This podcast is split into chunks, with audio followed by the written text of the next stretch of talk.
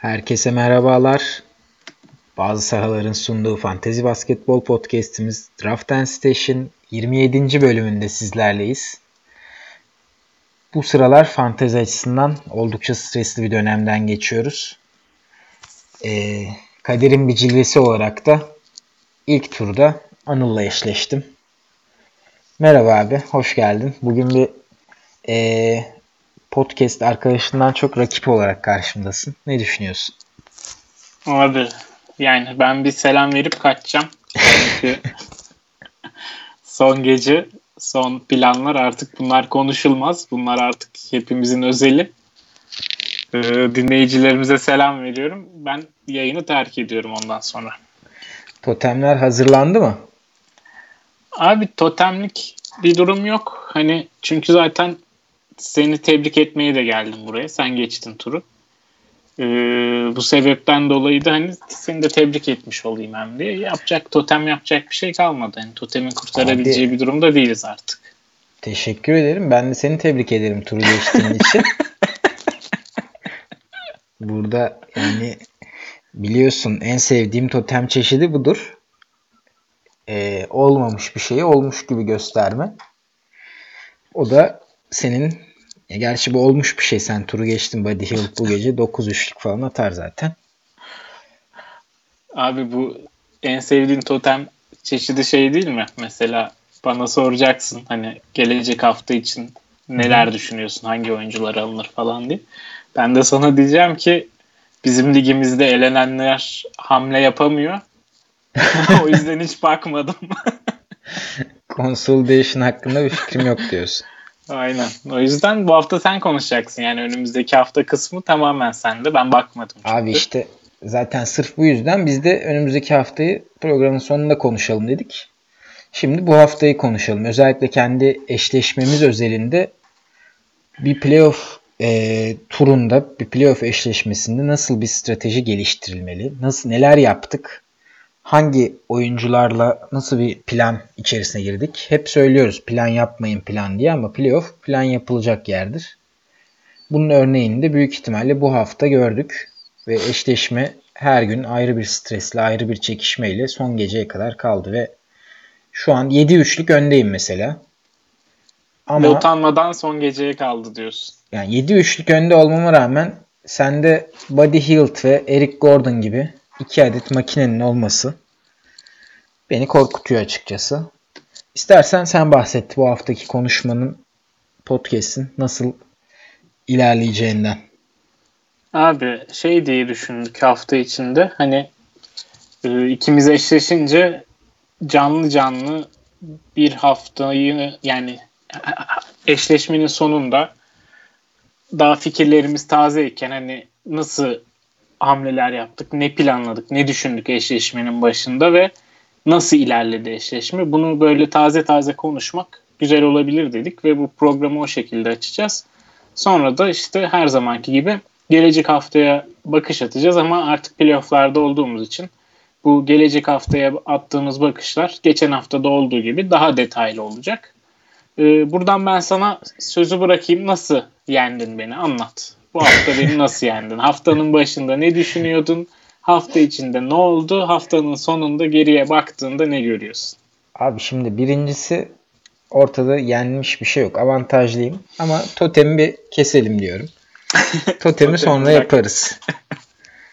Şimdi abi ikimizin takımlarına baktığımda zaten özellikle benim çok keskin bir şekilde e, ayrıldığım noktalar vardı. Bunlardan ikisi ben bu sene kurduğum işte bahsettiğim takımda blok ve FG'yi sağ içi isabet yüzdesini hani tamamen göz ardı etmiştim. Bunun en büyük sebebi de özellikle seçtiğim e, uzunların ve kısaların birbiriyle en iyi böyle bir yapıda e, meç etmesiydi.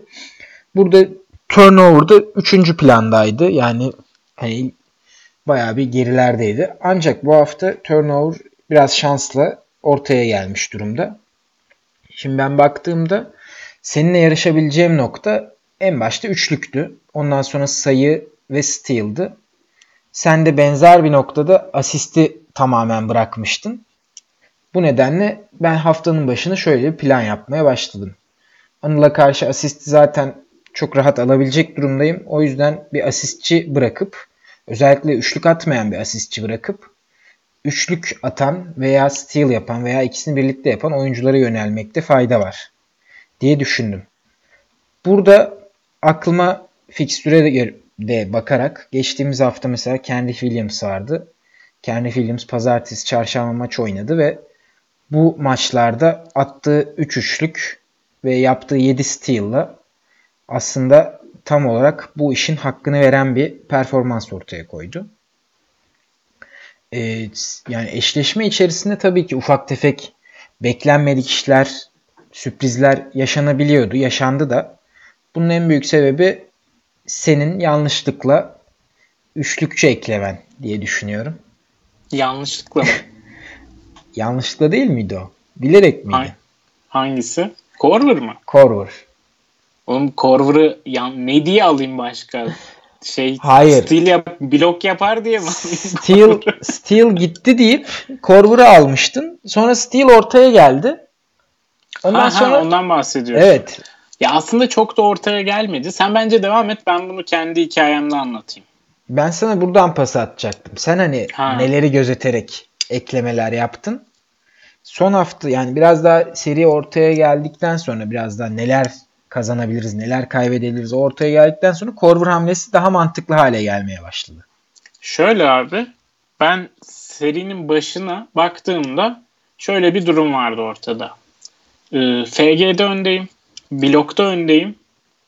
E, rebound'da öndeyim. Bu üç tanesinde öndeyim. Rebound'da birazcık daha yakın bir durum vardı ama yine de öndeydim. E, sayıda da önde gözüküyordum. E, bunların sebebi tabii maç farkıyla da alakalıydı. Benim 44 senin 39 maçım vardı sanırım haftanın başında ya da 40 evet. maçın vardı senin haftanın başında. 4 ya da 5 fark vardı aramızda. Aynen sayıda da öndeydim hani yaklaşık 100 gibi bir farkla. Ee, ama ondan sonra şöyle bir şey oldu. Pazartesi günü Otto Porter oynamadı, Kevin Love oynamadı sanırım değil mi? Evet ben de Kevin Love oynamadı pazartesi günü. Bende de Otto Porter'ın sakatlığı çıktı ortaya. Ee, Otto Porter'ın sakatlığı çıkınca şey oldu. Steel'de geriye düşmüş oldum. Üçlük hala ortada gözüküyordu. E, Steel'de geriye düşmüş olunca ben salı gecesiydi sanırım. Corver'ı ekledim. Hani 4 günde 3 maçı var. Üçlükte ben öne geçerim. Steel'i vermiş olurum şeklinde düşünüp e, salı gecesi ekledim Corver'ı ama ondan sonra body, ben Corver'ı ekledikten sonra Buddy Yield'ın bir maçı vardı. Buddy Yield üçlük atmak yerine 3 üç tane top çalınca e, 0 üçlük 3 top çalma şeklinde bir anda Steel biraz daha tekrar ortaya gelmiş oldu. Bu arada Mikael Bridges'i bırakmıştım. Hani Steel yapabilirdi Mikael Bridges ama hani şu an Steel'de aramızdaki fark sanırım 10 falan değil mi? 12 8, galiba. 12. Steel'de 12 farkla öndesin mesela şu an hani benim yaptığım projection'larda Steel hiç bu şekilde gitmiyordu. Bunun en büyük sebebi de sanırım Kendrick Williams oldu değil mi? Evet bir maç 3 bir maç bu haftanın en çok steal yapan oyuncusu Kendrick Williams 7 ile. İki yani maç ve totalinde de 7 steal'lı en iyi Kenny Williams. İşte bu noktada hani ben hiç bek yani Steel'in ortada geçmesini bekliyorduk. Steel hiç ortada geçmedi. Turnover'ın bana yakın olmasını bekliyorduk. Şu an sana yakın duruyor turnover. Ee, bu öyle beklenmedik durumlarla şu an 6-3 öndesin. Abi şimdi bak şöyle bir şey var. Bunu geçtiğimiz programda da söyledik. Burada FG, FT ve turnover gördüğün yani sen de biliyorsun ki turnover'da ben mesela maç sayım az olmasına rağmen maç sayım arttırdım. Sende oyuncular oynamadı vesaire. Neredeyse eşit sayıda maça çıkan oyuncumuz vardı. Ama işte turnover'a yatırım yapmak veya az turnover yapıyor diye bir oyuncuyu almaktansa turnover'ını bir kenara bırakıp ya bu adam 3 üçlük atıyor, 4 üçlük atıyor, 2 üçlük atıyor neyse 2 steal yapıyor, 4 steal yapıyor. Bunları gözetmek burada eşleşmede bu tip farklılıklar yaratabiliyor. Mesela turnover yapıyor diye az oynayan ama turnover yapmayan bir oyuncunun doğal olarak patlama şansı da yani bir patlama yapma şansı da düşük oluyor. Burada bahsetmek istediğimiz nokta buydu. Bunu bizim eşleşmemiz özelinde de gördük. Aynı zamanda mesela sen e, Malik Monk'u ekledin son 3 gün için, son 2 gün için. Bunun en büyük sebebi haberleri takip etmek ve Charlton rotasyon değişikliğinden sonra hafta sonunda back to back'i olan bir oyuncuyu eklemiş olmak sana üçlükte yarışmacı olma fırsatı verdi. Geçtiğimiz Hı-hı. hafta söyledik mesela. Hafta sonuna oyuncularınızı ekleme hakkını bırakın. Çünkü hafta sonu eşleşmede neyi alıp alamayacağınızı daha rahat görebildiğiniz ve hamle yapmanızın daha rahat olduğu noktalar. Daha keskinleşebiliyorsunuz herhangi bir statta. Burada Malik Monk bu konuya çok iyi bir örnek oldu. Ben de benzer bir e, şeyi, düşünceyi yani son günleri hak bırakmayı farklı bir yoldan yapmayı tercih ettim mesela. Ben de Terry Rozier'i aldım. Rozier'in de cumartesi pazar maçı var. Bunun en büyük sebebi de hafta içi Kyrie Irving'in playoff için sıralama önemli değil. Ben önümüzdeki günlerde birkaç maç dinlenebilirim. Bir iki maç oturabilirim gibi bir açıklama yapmasıydı. E, cumartesi pazar back to back'i olan bir Boston Celtics'ten e, fena da oynamayan bir Terry riskine girmek istedim. Bunun en büyük sebebi de kayresiz maçlarda Rozier'in 2.8 üçlük atıyor olması. Bu tip ince nüanslar seriyi belki de getiren hamleler olacak. Ama mesela Kayri oynadı ve Rozier 2.8 değil 1.8 bir üçlük. Yani bu normal şeyine döndü. Ortalamasını döndü. Bunun da bana yansıması üçlüğün kaybı olarak sonuçlanabilir. Hani risk alıyoruz ama her zaman riskin karşılığını alacak mıyız? Bu da önemli bir soru işareti.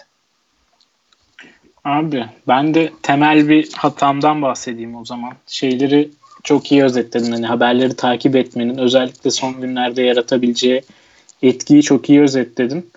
Ee, benim de sanırım hafta başında yaptığım şöyle bir hata oldu. Şu an reboundda sanırım 242'ye 195 öndeyim. Ee, yine önde gözüküyordum ama haftanın başında şöyle bir yola gidebilirdim. Yani e, Mitchell Robinson vardı bende. E, blokta da şu an 21 farklı önde olduğumu göz önünde bulundurursak aslında Mitchell Robinson'ın bana bu seride çok bir katkısı olmadı. Hatta Mitchell Robinson'ı kadroda tutmam üçlükteki e, avantajımı birazcık kaybetmeme bile sebep oldu diyebilirim. E, hafta başından Mitchell Robinson'ı bırakabilirdim. Çünkü gerçekten bu seride bir faktör olmadı Mitchell Robinson. E, sağ, içi isabette de öndeyim. Hatta tam emin değilim şeyinden Abi, ama. serbest atışta da serbest ortaya getirebilirdi galiba. Çünkü ben... serbest atışı 7'de 4 galiba şeyin Robinson. Hemen bakıyorum. Evet aynen. Hani bu hafta şey diye düşündüm ben haftanın başında. Hani ben bu seride maç sayısıyla öndeyim. Projection benim önde olduğumu gösteriyor. Ee, Burak maç sayısını kapatmak için e, streaming yapsa bile top kaybını verecektir. O sebeple hala ben avantajlıyım diye düşündüm. Ama e, evdeki hesap çarşıya uymamış durumda şu an. Ki Mitchell Robinson'da bırakmak zorunda kaldım zaten şeyin ortasında. Serinin ortasında. Sene boyunca gözüm gibi baktığım Mitchell Robinson'ı maalesef yere atmış oldum. Hani şey yapmalıydım diye düşünüyorum şu an geriye doğru baktığımda. Haftanın başında önemli olanın bu turu geçmek olduğunu ve hani bir tur sonrasını düşünmemem gerekiyordu. Ben bir tur sonrasını düşündüm biraz. Hani bu kadroyu koruyayım.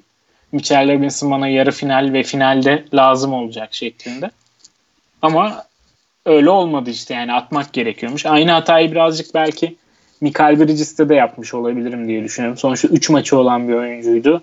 Geçen haftayı rahat bitirdim. Hiç et hakkımı kullanmadım geçen hafta. Ee, geçen haftadan yapabilirdim yani Mikael Bridges'i bırakıp 4 maçı olan bir oyuncuyu. Daha çok üçlük atan bir oyuncuyu alabilirdim diye düşünüyorum şimdi. Geriye dönüp baktığımda e, ama işte hesaba katamadığım şeyler Otto Porter'ın sakatlığı ve e, Batum'un bir anda rotasyondan düşmesi oldu. Hani bunları yani şans diyeceğim aslında ama fantasy playofflarında bu o kadar çok oluyor ki bunlar bu oyunun şeyi yani hani cilvesi. nasıl diyeyim? Bunlar bu oyunun cilvesi. Bunu bu şansla ilgili bir şey değil bu. Herkesin başına gelebilecek bir şey. Yani benim başıma gelmesi tam olarak şansla şanssızlıkla açıklayabildiğim bir şey değil. Bunlar oluyor yani hani şey gibi davranmak bu. Hani nasıl diyeyim? Ee, bir yolun şey olduğunu bilirsin. Ee, tehlikeli olduğunu bilirsin. Ama o yoldan geçince başına bir şey geldiğinde şanssızlık diyemezsin buna yani anladın mı? Böyle şeyler fantazi playofflarının olayı bu yani. Abi tam olarak yani hakikaten fantazi playoffların olayı bu noktasındayız. Ben de şeyden bahsedeceğim. Burada hani senin yaptığım hata dediğin Mitchell Robinson'daki durum aslında en başta rakibi tanımak ve rakibe bakmakla oluyor. Mesela bana karşı oynadığın için FG ve blok Mitchell Robinson'ın en iyi olduğu iki alan. Yani Mitchell Robinson'ın en iyi olduğu iki alan FG ve blok zaten Mitchell Robinson yerine herhangi bir oyuncu olsa da senin benden alacağın yerlerde. Çünkü ben bunları tamamen göz ardı etmiştim. Hani bunu bilerek oynamak, bunu bilerek strateji yapmak her zaman daha iyi. Çünkü playoff'tayız ve bir tur oynuyoruz yani. Bir turu oynadığımız zaman o turu geçemediğimiz zaman ikinci bir tur olmayacak. O yüzden Hı. en Aynen kısa işte şekilde öyle. kazanmayı e, kazanmaya çalışmak, kazanmaya odaklanmak her zaman Kazanmayı doğru. garanti altına almak. Heh, garanti altına almak. En başta hep söylüyoruz ya biz 27. program bugün. Yani neredeyse 20 programdır falan keskinleşmeye bakın. Takas deadline'da keskinleştirin oyuncularınızı şeklinde bir e, keskinleşme durumu oluyor. Ha, burada tabii ki senin keskinleştiğin alanlar var. Çok farklı önde olduğun yerler var. Burada da iki yani ikinci soru akıllara gelen ne kadar göze alabiliyorsun bu oyuncuları kaybetmeyi? Playoff dışında bu oyuncuyu kaybetmeye göze almayı anlayabilirim ama playoff'ta e, hani ilk 50 dışındaki ya ilk 50 bile değil. İlk, ilk iki tur dışındaki oyuncuların hepsi bence drop edilebilecek seviyede ya. Playoff eşleşmesi kazanmak için. Abi bir hafta önce buna katılmıyordum işte belli ki ama bu hafta işte yaşayıp gördüğümüz bir örnek oldu. Hani Mitchell Robinson benim için o kadar değerliydi ki e, özellikle finale kadar gidebilirsem kazandıracağını düşündüğüm bir oyuncuydu finali ama gel gör ki ilk turda elenmem şu an daha yüksek bir ihtimal. O yüzden hani e, bizim turdan alınabilecek en büyük bence şey bu. E, Gözünün yaşına bakmayın tavsiyesi. Kimsenin. Aynen eğer o turda işinize yaramayacak bir oyuncuysa benim Mitchell Robinson örneğinde olduğu gibi hani gözünün yaşına bakmayın. Bir tek bu kurtarır tarafı rebound'un bu kadar farklı geçmesini beklemiyorduk sanırım ikimiz. Hani Mitchell Robinson evet. yerine bir üçlükçü alsaydım rebound belki ortaya gelebilirdi. Ama şu an hani hangisini tercih edersin deseler keşke Mitchell Robinson'ı bırakmış olsaydım derim. Son olarak bir seri özelinde bir e, şeyden bahsedersek de abi özellikle bence hani burada seriyi iyi bilmekle alakalı veya haberleri takip etmekle alakalı önemli iki hamle geldi senden. Birincisi Dion Waiters'tı. Üçlük için iyi bir oyuncu eklendi. İkincisi de Malik Monk'tu. Hem iyi bir oyuncu hem iyi bir kaynak olabilir hem de güzel de bir riski var. Yani riski şöyle. Bir anda 3-4 üçlük atabilecek bir oyuncu. Ama en kötü şekilde de zaten iki tane atar diye bekliyorsun. Yani zaten senin beklentini yerine getirecek tipte bir oyuncu. Ama e, potansiyeli de bir anda 4 üçlükle 5 üçlükle beklenmedik bir şeyler yapabilecek bir oyuncu. Mesela burada hep Buddy Hield beni korkutuyor. Buddy Hield gerçekten iki maçta 7-7-14 üçlük attı ve o üçlüyü tutunmanı sağlayan en önemli oyuncu tabii ki. Burada Monk, Waiters gibi sezon sonu bir anda patlama yapabilecek, yükselişe geçebilecek oyuncuları gözetmekte fayda var diye düşünüyorum. Bunları yaparken de kesinleşmediyse mesela ben burada Caldwell Pop'u alarak bir hata yaptığımı düşünüyorum. Yani bir veteran sonuçta Caldwell Pop. Tamam iyi bir şutör olabilir. 2-3 üçlük atabilir ama Pop yerine gençlere yatırım yapan bir takımdan genç bir şutörü almayı tercih ederdim diye düşünüyorum. Burada bu haberleri de göz önünde bulundurup aslında e, tercihinizi patlama yapma ihtimali daha yüksek olandan yana kullanmanızı tavsiye edebilirim ben.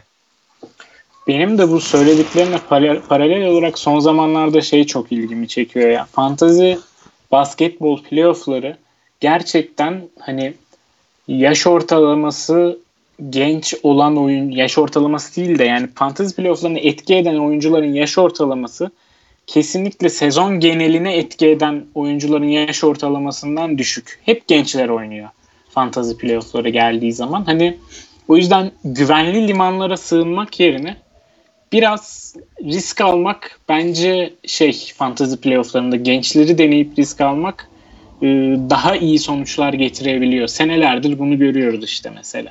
Aslında bu önümüzdeki podcast'in de konusu olacak zaten. Hani önümüzdeki podcast'leri birinde yapacağız. Sezon sonunda aldığı momentumla, yakaladığı momentumla önümüzdeki sene kimleri draft ederiz veya önümüzdeki sene kimleri draft etmeyiz. Niye draft etmeyeceğiz? Çünkü güvenli liman gibi görünen ama aslında artık dejenere olmuş oyuncular olacak. Bunlar bunları draft etmekten vazgeçeceğiz. Veya mesela artık atıyorum Charlotte Malik Monk'a gerçekten süre verecek mi? Batum'dan vesaireden vazgeçip Miles Bridges'ı gerçekten mesela, oynatacak mı? Mesela bunları yani, plan bunları düşünecek takımlar ve bunları düşünmek için bu son 10 maç dışında ellerinde herhangi bir veri olmayacak. Bu bahsettiğin mesela gelecek sezon draft etmek istediğimiz çünkü bu sezonun ortasından veya sonundan itibaren bir momentum yakalamış. Takımların da yatırım yapmak isteyeceği oyuncular listesine mesela Miles Bridges direkt kafadan giriyor. Hani rolü sürekli arttı bu yıl ve şu an takımın mesela dün Boston maçını beraber izledik. Ee, takımın herhalde en önemli ikinci ya da üçüncü oyuncusu konumuna gelmiş Abi durumda. çok net iki. Kemba yani zaten sonra da Miles Bridges. Dünkü maçın en önemli sebebi bu iki oyuncuydu. Aynen. Yani burada seri özelinde benim çok ekleyeceğim bir şey yok açıkçası. Çok güzel bir seri oldu. Çok keyif aldım ben. Aynı zamanda çok stresliydi. E, son geceye kadar kaldığı için çok mutluyum. Çünkü ben bu seriye girerken herhangi bir şekilde e, zorlayabileceğimi düşünmüyordum. Tabii ki bu demek olmuyor ki hamle yapmayacağım, waiver kovalamayacağım vesaire. Ama buraya gelmesi, son güne önde ve avantajlı giriyor olmam açıkçası beni fazlasıyla mutlu etti ve fantaziden aslında beklediğimiz şey de bu yani. Bu heyecanı için kalkıp gece uyumayıp maçları izleyip sabah da ertesi günkü maçları düşünebiliyorum. Ee, uzun zaman sonra oynadığım en keyifli eşleşmelerden biriydi abi. Teşekkürler yani çok rekabetçi bir seri oldu.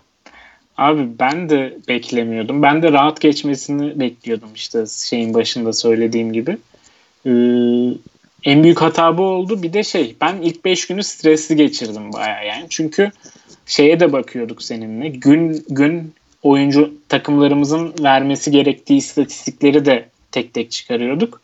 Yani her gün sen daha iyi oynamış oluyordun yapman gerekenden. Ben ya daha kötü oynamış oluyordum ya da beklentiyi karşılamış oluyordum. O yüzden 5 gün stresli geçti.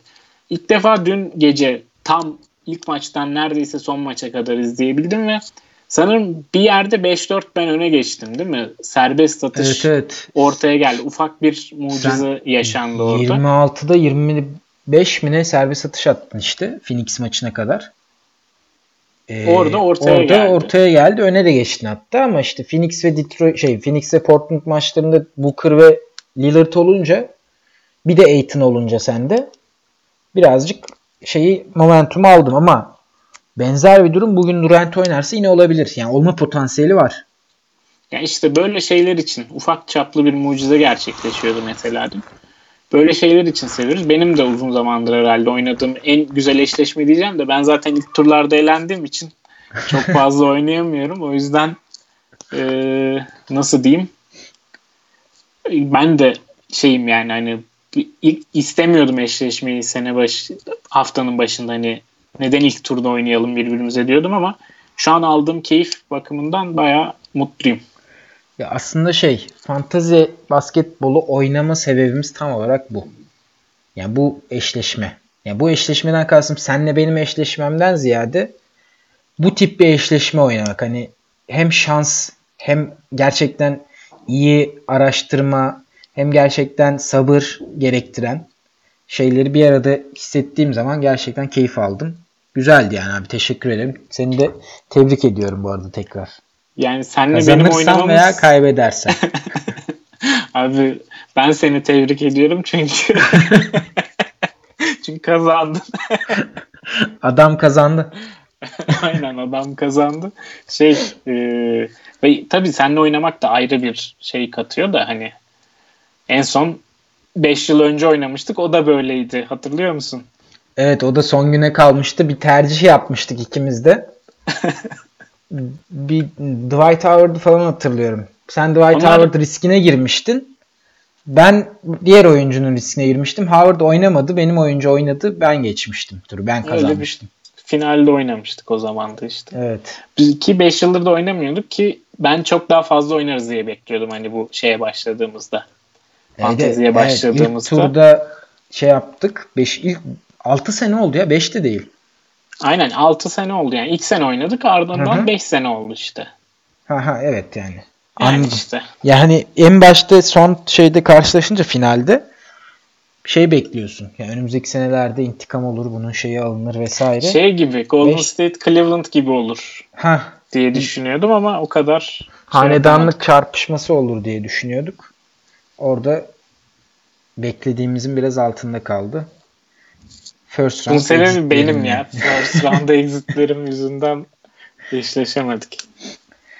Abi o zaman haftaya bizi ne bekliyor ona bakalım. İkimizden biri turu geçerse diye zaten araştırmalarımızı ufak tefek yapmıştık. Yo ben hiç yapmadım kaybettiğim için. Tamam şimdi totemi bir kenara bırakalım.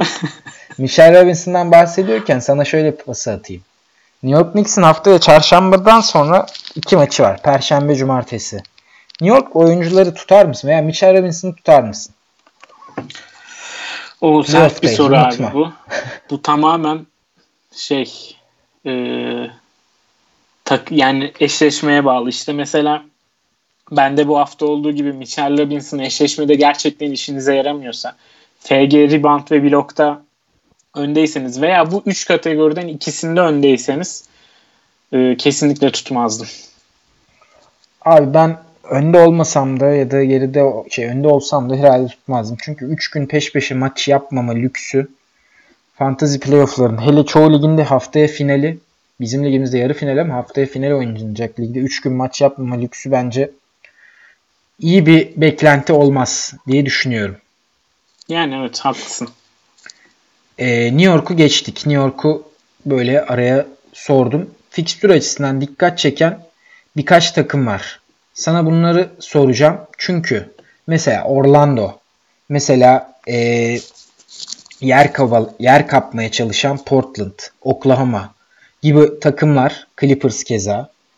Bu 4 haftada aslarının çoğunu oynatacak hatta hepsini oynatacaktır diye tahmin ediyorum.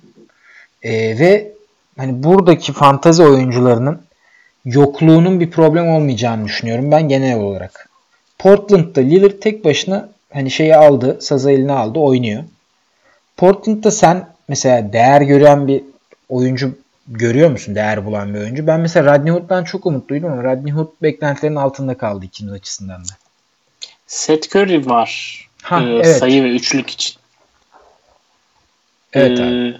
Şey bir de şöyle bir durum var. Haftaya bir şeye bakalım mı? Kaç takımın 4 maçı var? Abi Çünkü ben şey hatırlıyorum ben. Dokuz 3.26 idi maç başına şeyi. hemen bakıyorum ona. 9 takımın 4 maçı var. 3.26 ortalamalı maç sayısı takımlarında. Evet. Aynen. Bir oyuncunun ortalama 3.26 maçı var. Yani bu demektir ki oyuncunuzun özellikle yıldızlarınızın 4 maçı varsa bu hafta cidden avantajlısınız. Evet. Ee, o yüzden hemen şöyle bakıyorum. Aslında çok fazla yıldızın da 4 maçı yok bu hafta. Yok için var. Lebron'un var ki back to back muhtemelen oynamaz 3'e Kesin düşer. o. oynamaz birinde bence de. Memphis'te Conley'de. belki kan, Conley'de oynamaz ama Valenciunas çok iyi oynuyor. Oklahoma'da şey Paul George ve Westbrook için avantajlısınız. Orlando'da Vucevic için avantajlısınız. Portland'da Lillard için avantajlısınız. Ee, Sacramento'da belki Hield ve Fox avantaj sağlayabilir. Özellikle Hield üçlüye böyle atmaya devam ederse avantajınız olur. Washington'da da bence bir yıl hala oynamaya devam edecek haftaya. 4 maç. Ee, o noktada da avantajlı olabilirsiniz. Dedikten sonra bu takımlara bakalım istiyorum ben Abi, bu hafta. Çünkü 4 maç önemli. Şey diyecektim. Aslında yani çok zor Washington'ın playoff yapması. 6 maç falan gerideler. Ama bu back to back Washington back to back haftanın sonunda olsaydı büyük ihtimalle birinde bir yıl oturur derdim. Lakers ve Phoenix'e karşı oynuyorlar. Başında olduğu için mümkün olduğunca bu maçları alıp belki şeklinde Evet, bir yaklaşım olacaktır yani. diye düşünüyorum. Evet abi sendeyiz. Maçlar da kolay alabilirler hani. Hı hı. Ee, abi Oyunculara bakalım diyordum. Oyunculara bakalım. İlk önce şeyden başlayalım istersen. Denver, Clippers, Lakers, Sacramento ve Washington. Çünkü şu yüzden bu takımlar pazartesi maç oynamıyor. Yani son 6 günde 4 maç oynuyorlar. Bir de hı hı. eğer siz de bizim oynadığımız ligdeki gibi aldığınız oyuncuyu bir gün sonra oynatabiliyorsanız ve bu hafta e, muhtemelen şey haklarınızı kullandıysanız hı hı. E, ed haklarınızı kullandıysanız pazartesi oynatamayacaksınız demektir oyuncular. O yüzden bu takımlara bakalım istiyorum ilk başta. E, Lakers'taki Caruso ile başlayalım. Caruso son 4 maçta 1 2 5 ve 3 steal yaptı galiba. Yani toplamda 11 e, steal yaptı. 4 maça 2.2 steal ortalaması gayet iyi. Steel'de bir specialist olarak öne çıkıyor. Hem de dakikaları da arttı ve iyi de oynuyor Caruso. Ee, maç başına bir üçlüğü de var. Ee, o yüzden bir Steel specialist olarak öne çıkabilir Caruso. Peki LeBron'un oynamadığı maçta 8 üçlük atan Kent Davis, Caldwell Pop. Ben biraz pişman oldum dedin ama LeBron'un oynamadığı bir maçta yine böyle bir 35 sayı atar mı? Abi 35 sayı atar mı noktasında ya 35 sayı tabii ki çok zor. Bence atamaz da. Ee, üçlük dışında da bir specialist bir noktası yok ama Pop'un. Ama bak biraz önce de söyledik. Yani Caldwell Pop'a yapılacak bir yatırımdansa mesela Malik Monk'u tercih ederim ben. Veya hmm. streamingle yani Pop'u mesela o ilk iki gün için almak tabii ki mantıklı. İlk iki günkü Washington Utah back to back'inde. Ondan sonra atıyorum devamında oynayacak. Devamında 2 değil 3 maça çıkacak. Hani bu perşembe pazar arası 3 maç oynayacak bir oyuncu varsa üçlükçü buna yönelmeyi tercih ederim ben. O yüzden mesela en başta şey Caldwell Pop ondan sonra da atıyorum Denver'dan Malik Bizli veya Montemoris. hani üçlük Aynen. steal birlikte toplam 5 maç alabileceğiniz bir ikili olur streaming ile. Bunu tercih ederim ben. LeBron'da oynamadığı maça denk getirmek için aynı zamanda. Mantıklı abi. Şey için ne diyorsun? Delon Wright için. Senin kadrondaydı Delon Wright bu hafta. Abi Delon Wright e, beklediğimizin altında başladı Memphis'teki kariyerini. Memphis'te sonra bir iki hafta sonra yaklaşık hani kendine geldi trade deadline'dan sonra. Ama Delon Wright'ın üçlük sayıları birazcık az. Delon Wright'ın en önemli noktası asist ve steal'ı. Zaman zaman da pozisyon dışı blok katkısı yapabiliyor ama buna bel bağlanacağını düşünmüyorum ben. Dallin Wright'ı özellikle steal için ve asist için alabilirsiniz ama bu oyuncu üçlük için değerlendirmenizi ben doğru bulmuyorum. Dallin Wright'ı eklemeyi de şöyle yapayım. Hafta sonu Memphis'in cumartesi pazar back to back'i var. Kanlı büyük ihtimalle oynamaz onların birinde. Hafta sonunda Dallin Wright çok değerli bir oyuncu olabilir. Evet. Mantıklı olan hafta sonu almak. Dallin Wright'ı haftanın başında almaktansa. Ee, ben ilginç ilginç değil de yani ilginç bir durumla karşılaştım. İlginç bir isim değil ama Thomas Bryant zaten bahsediyoruz burada. Ee, Çoğu birlikte alınmış olabilir ama. İşte birlikte karşıma çıktı. Whiteside'ı bırakmam gerekiyordu ve yere bakarken Thomas Bryant'ı gördüm. Ee, o yüzden söyleyeyim dedim. Hala %30 mesela. 100 kişinin 30'u kadrosunda Thomas Bryant'ı barındırıyor fantezi oynayan. O yüzden burada ekleyelim dedim. Hazır 4 maçı da varken. Ee, ilk 5'e de yerleşti. 30-35 dakikada süre alıyor. Hani kesin eklenmesi gereken bir oyuncu statüsünde eğer yerde bulabilirseniz 4 maçıyla birlikte alabilirsiniz. Evet iyi bir oyuncu aslında. Bryant ben de şeyden bahsedeyim. E, Troy Brown Jr.'dan bu Arizona'nın sakatlığında ilk 5 başlayan arkadaştan. Troy Brown Jr.'ın e, benim beklentilerimin biraz altında kaldı ama Arizona'nın sanki bu senenin sonuna kadar dönmeme ihtimali var gibi bir haber okudum ben. Yani kalan yaklaşık 10 maçta birazcık e, kötü yani beklentinin altında kalabilir diye düşünüyorum. Ariza'dan beklentinizin. E, Troy Brown'un da en önemli noktası aslında steal'ı gibi görünüyordu ama son 3 maçta 2 steal yapabildi. 30 dakika süre aldı. Bu beni birazcık şüpheye düşürdü. Acaba bu hafta bunu kırabilir mi diye düşünüyorum ama e, rebound dışında açıkçası çok bir katkı vermediğini göz önünde bulundurursak sadece hani böyle e, acil durumda camı kırmak için gereken bir oyuncu, eklenebilecek bir oyuncu diye düşünüyorum. E, ama aklınızda bulunsun yani böyle bir oyuncu var. Troy Brown Jr. yaklaşık 30 dakika süre alıyor son maçlarda. Ariza'nın yokluğunda belki Phoenix karşısında bir farklı iyi bir maç çıkarabilir. Haftanın başında hemen salı çarşamba bir back to back'i var. Orada kullanılabilir diye düşünüyorum Troy evet, Brown. Derin Jr. liglerde özellikle. Aynen. Ee, onun dışında bu ee, hafta 4 maçı olup da Seth Curry'den bahsettin abi sen. Ee, Sacramento'da Aynen. Bielitsa fena oynamıyor. Harry Giles'ın da yokluğunda Bielitsa süre alıyor daha çok. Harry Giles bu ara 2-3 maçta oynamıyor. O radarınızda bulunabilir. Ee, başka 4 maçlı takımlar arasında benim dikkatimi çeken bir oyuncu yok vallahi abi. Benim de yok. Ee, o zaman hani 3 maçlılara geçelim. Burada spesifik olarak konuşacağımız bir takım yok. Hani şeye bakayım hemen. Fikstürü 4 maç, 4 günde 3 3 maçın hepsini 4 günde oynayan bir takım var mı? Ee, diye bakıyorum ya da 5 günde oynayan bir takım Abi, var mı diye bakıyorum. 5 günde oynuyor çoğu ama Indiana mesela çarşamba cumartesi arası 4 günde 3 maç yapıyor. O yüzden Indiana burada öne çıkabilecek. Indiana evet burada yegane takım. Dikkat çeken takımlar arasında bir tek Indiana var görünüyor. 3 maçlı takımlar arasında. Orada da e, özellikle Indiana'da rollerin dağılması çok ciddi bir problem yaratıyor. Son maçta Wesley Matthews e, kimdi? Tyreek Evans şey pardon Corey Joseph hepsi tek hanede kaldı. Hani önlerinde 20'şer 24'er dakikalar varken sen burada dikkat çeken bir oyuncu görüyor musun abi? Kime yatırım yapılabilir? Şöyle bir durum olursa ancak Indiana'dan oyuncu alırım. Yani aşırı stil ihtiyacım var ve 4 günde 3 maç stil için Corey Joseph alabilirim belki. Ya da e, sayıya ihtiyacım var ve belki Tyreek Evans'ın bir maçta 20'li sayılara ulaşacağını düşünüp yani 4 günde 3 maç iyiymiş diye düşünüp alabilirim ama Indiana'dan net bir şekilde yerde bulabileceğiniz iyi bir oyuncu yok maalesef. Evet yani fikstürü avantaja çevirecek bir ekleme ben de çok göremedim.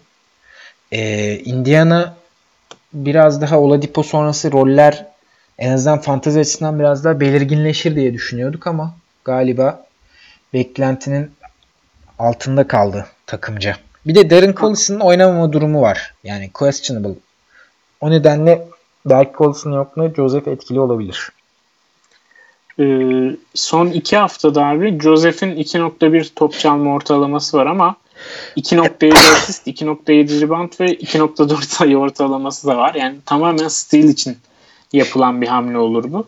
Yani ee, Tyreek Evans'ın da 13.3 sayı ortalaması, 4.5 rebound ve 3.8 asist ortalaması var.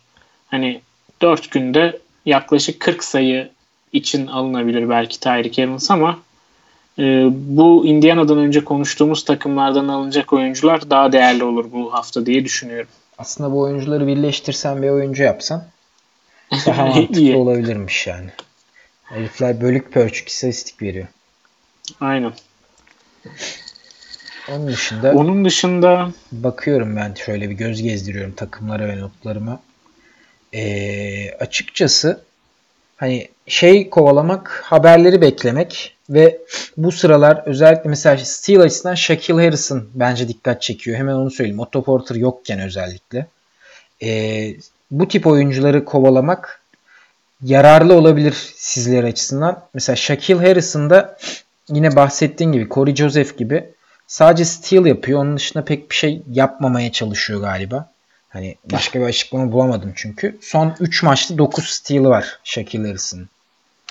Yani bunlar bayağı iyi ortalamalar. Ama steal dışında da hani yaptığı bir diğer şey de 6 rebound var maç başına.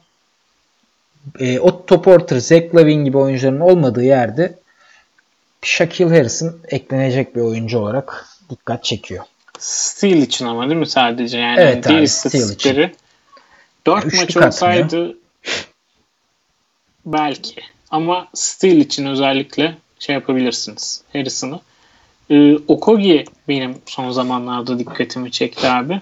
Çünkü bu hafta 19, 10 ve 17 sayı attı. Ee, bunun yanında da 4 stil 3 blok yaptı. Hı hı. Ee, o da 3 maçı olduğu için tam olarak tercih etmeyeceğimiz bir oyuncu ama hani steal için veya blok için veya ikisini birlikte bulabileceğiniz bir oyuncu arıyorsanız hani aklınızda olsun diye söyleyelim. Rookie'lerin e, coştuğu zamanlar bunlar. Michael Bridges ve Miles Bridges da tekrar söyleyelim. Michael Bridges de Ubre'nin ve TJ Warren'ın yokluğunda e, inanılmaz dakikalar alıyor. Yani 40, 39, 34 gibi dakikalar alıyor. Dün de 3 top çalma yapmış. Hani o Evet. da top çalma için alınabilecek bir oyuncu. Devam etmesi de olası. Ubre sezonu kapattı çünkü. Hı hı. Tyler Johnson'da dönme ihtimali ben çok yüksek görmüyorum. Hani Michael Bridges'in iyice saha onun yani 30'ar 35'er dakikalar ortalama. Pek Bu arada Heh. Tyler Johnson demişken abi bu hafta aklıma gelen bir düşünceyi paylaşayım. Bu çok çok uzak bir ihtimal gibi gözüküyor şu an ama fantasy playofflarında ne uzak ihtimallerin çok yakın olduğunu gördük. Tyler Johnson'ın da yokluğunda Phoenix şöyle bir son 10 maçta hem de gelecek sezon için opsiyon koydurmuşken kontratına Jimmer Fredet'i görmek ister mi? Şöyle bir maç başına 25-30 dakika. abi neden olmasın ama dün 4 dakika 2 rebound. İşte ama öyle ama söylediler çok oynatmayacaklarını dün zaten. Ama hazır bu kadar sakat varken, bu kadar eksik varken takımda Ya çok çok ciddi bir kumar olur diye düşünüyorum. Değil mi? Çok ciddi bir kumar. Ama Jimmer Fredette aklınızda olsun. Ama- yani. Bir sabah uyandığınızda 8-3'lük atmış olabilir bu adam. Booker mesela oynamazsa bir maç orada yani bir şeyler görebiliriz diye düşünüyorum.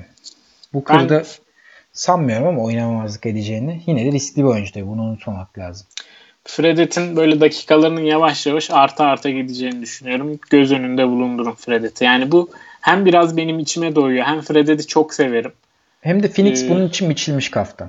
Aynen, aynen. Hepsi bir araya gelince sanki önümüzdeki bir hafta sonra işler çok değişecekmiş gibi geliyor bana. Nisan'ın ilk haftası Jimmer Fredette'in 8 üçlüyle güzel bir sabah uyanabilirsiniz diyorsun yani. Aynen. Anladım abi. Ekleyeceğim bir şey var mı? Veya strateji bir şey söyleyeceğim bir şey var mı? Yoksa kapatalım mı? Valla şöyle bu hafta 3 maçı olan daha konuşmadığımız çok oyuncu var ama hani bunların hepsini konuşmaya kalkınca zaten biraz programın süresi de uzuyor. Biz bunu istemiyoruz. Bir de geçtiğimiz haftalara da bakabilirsiniz bu oyuncular için. Bir de oyuncuları nasıl bulmaya çalıştığımızı da burada temelini de anlatmaya çalışıyoruz. Belki e, ilham olur size ve bu şekilde siz de bu hafta inanılmaz katkılar verebilecek oyuncular bulabilirsiniz. Hani çok biliyorsan geçen hafta bulsaydın da Burak'ı eleseydin diyenlerinizi de duyuyorum içinizden. Yani öyle de sonuçta aynısını tam tersi durumda da konuşabiliriz. Hani ben de Yani. çok bildiğimden değil. İkimiz de güçlerimizi çarpıştırdık. Bakalım. Yok daha yok şaka bitmemiş. yapıyorum ben. Ya Şaka yok hani yapıyorum. bana da denebilir abi. Aynı şey. Ha. İkimizden biri eğlenecek ama bu tur. Yani sonuçta- değil mi? İkimiz de geçemezdik. İkimizden birine demek zorunda insanlar. O nedenle bakalım ya. Güzel dediğim gibi keyifli bir fantazi yılı oluyor. Playoff'larıyla, normal sezonuyla. Umarım önümüzdeki sene daha güzel haberlerle, daha güzel programlarla da oluruz. Hani zaten son 2-3 bölümümüz falan kaldı bu seneye dair. Hı hı. Önümüzdeki bölümlerde genel bir sezona bakış. Ee, önümüzdeki sene kimler hani yüksekten seçilir veya kimler seçilmez artık. Bunlara göz atmayı düşünüyoruz. ya da kimleri 100. sıradan seçer 50. sıra katkısı alırsınız. Ha evet benzer şekilde. Bir de soru cevap yapabiliriz genel sezona dair. Hem bir feedback alım, alma açısından sizden de. Hı hı. Böyle bir planımız var diyelim. Ekleyeceğim bir şey yoksa da kapatalım abi. Yok. Bizi dinlediğiniz için teşekkür ederiz. Hoşçakalın. Hoşçakalın.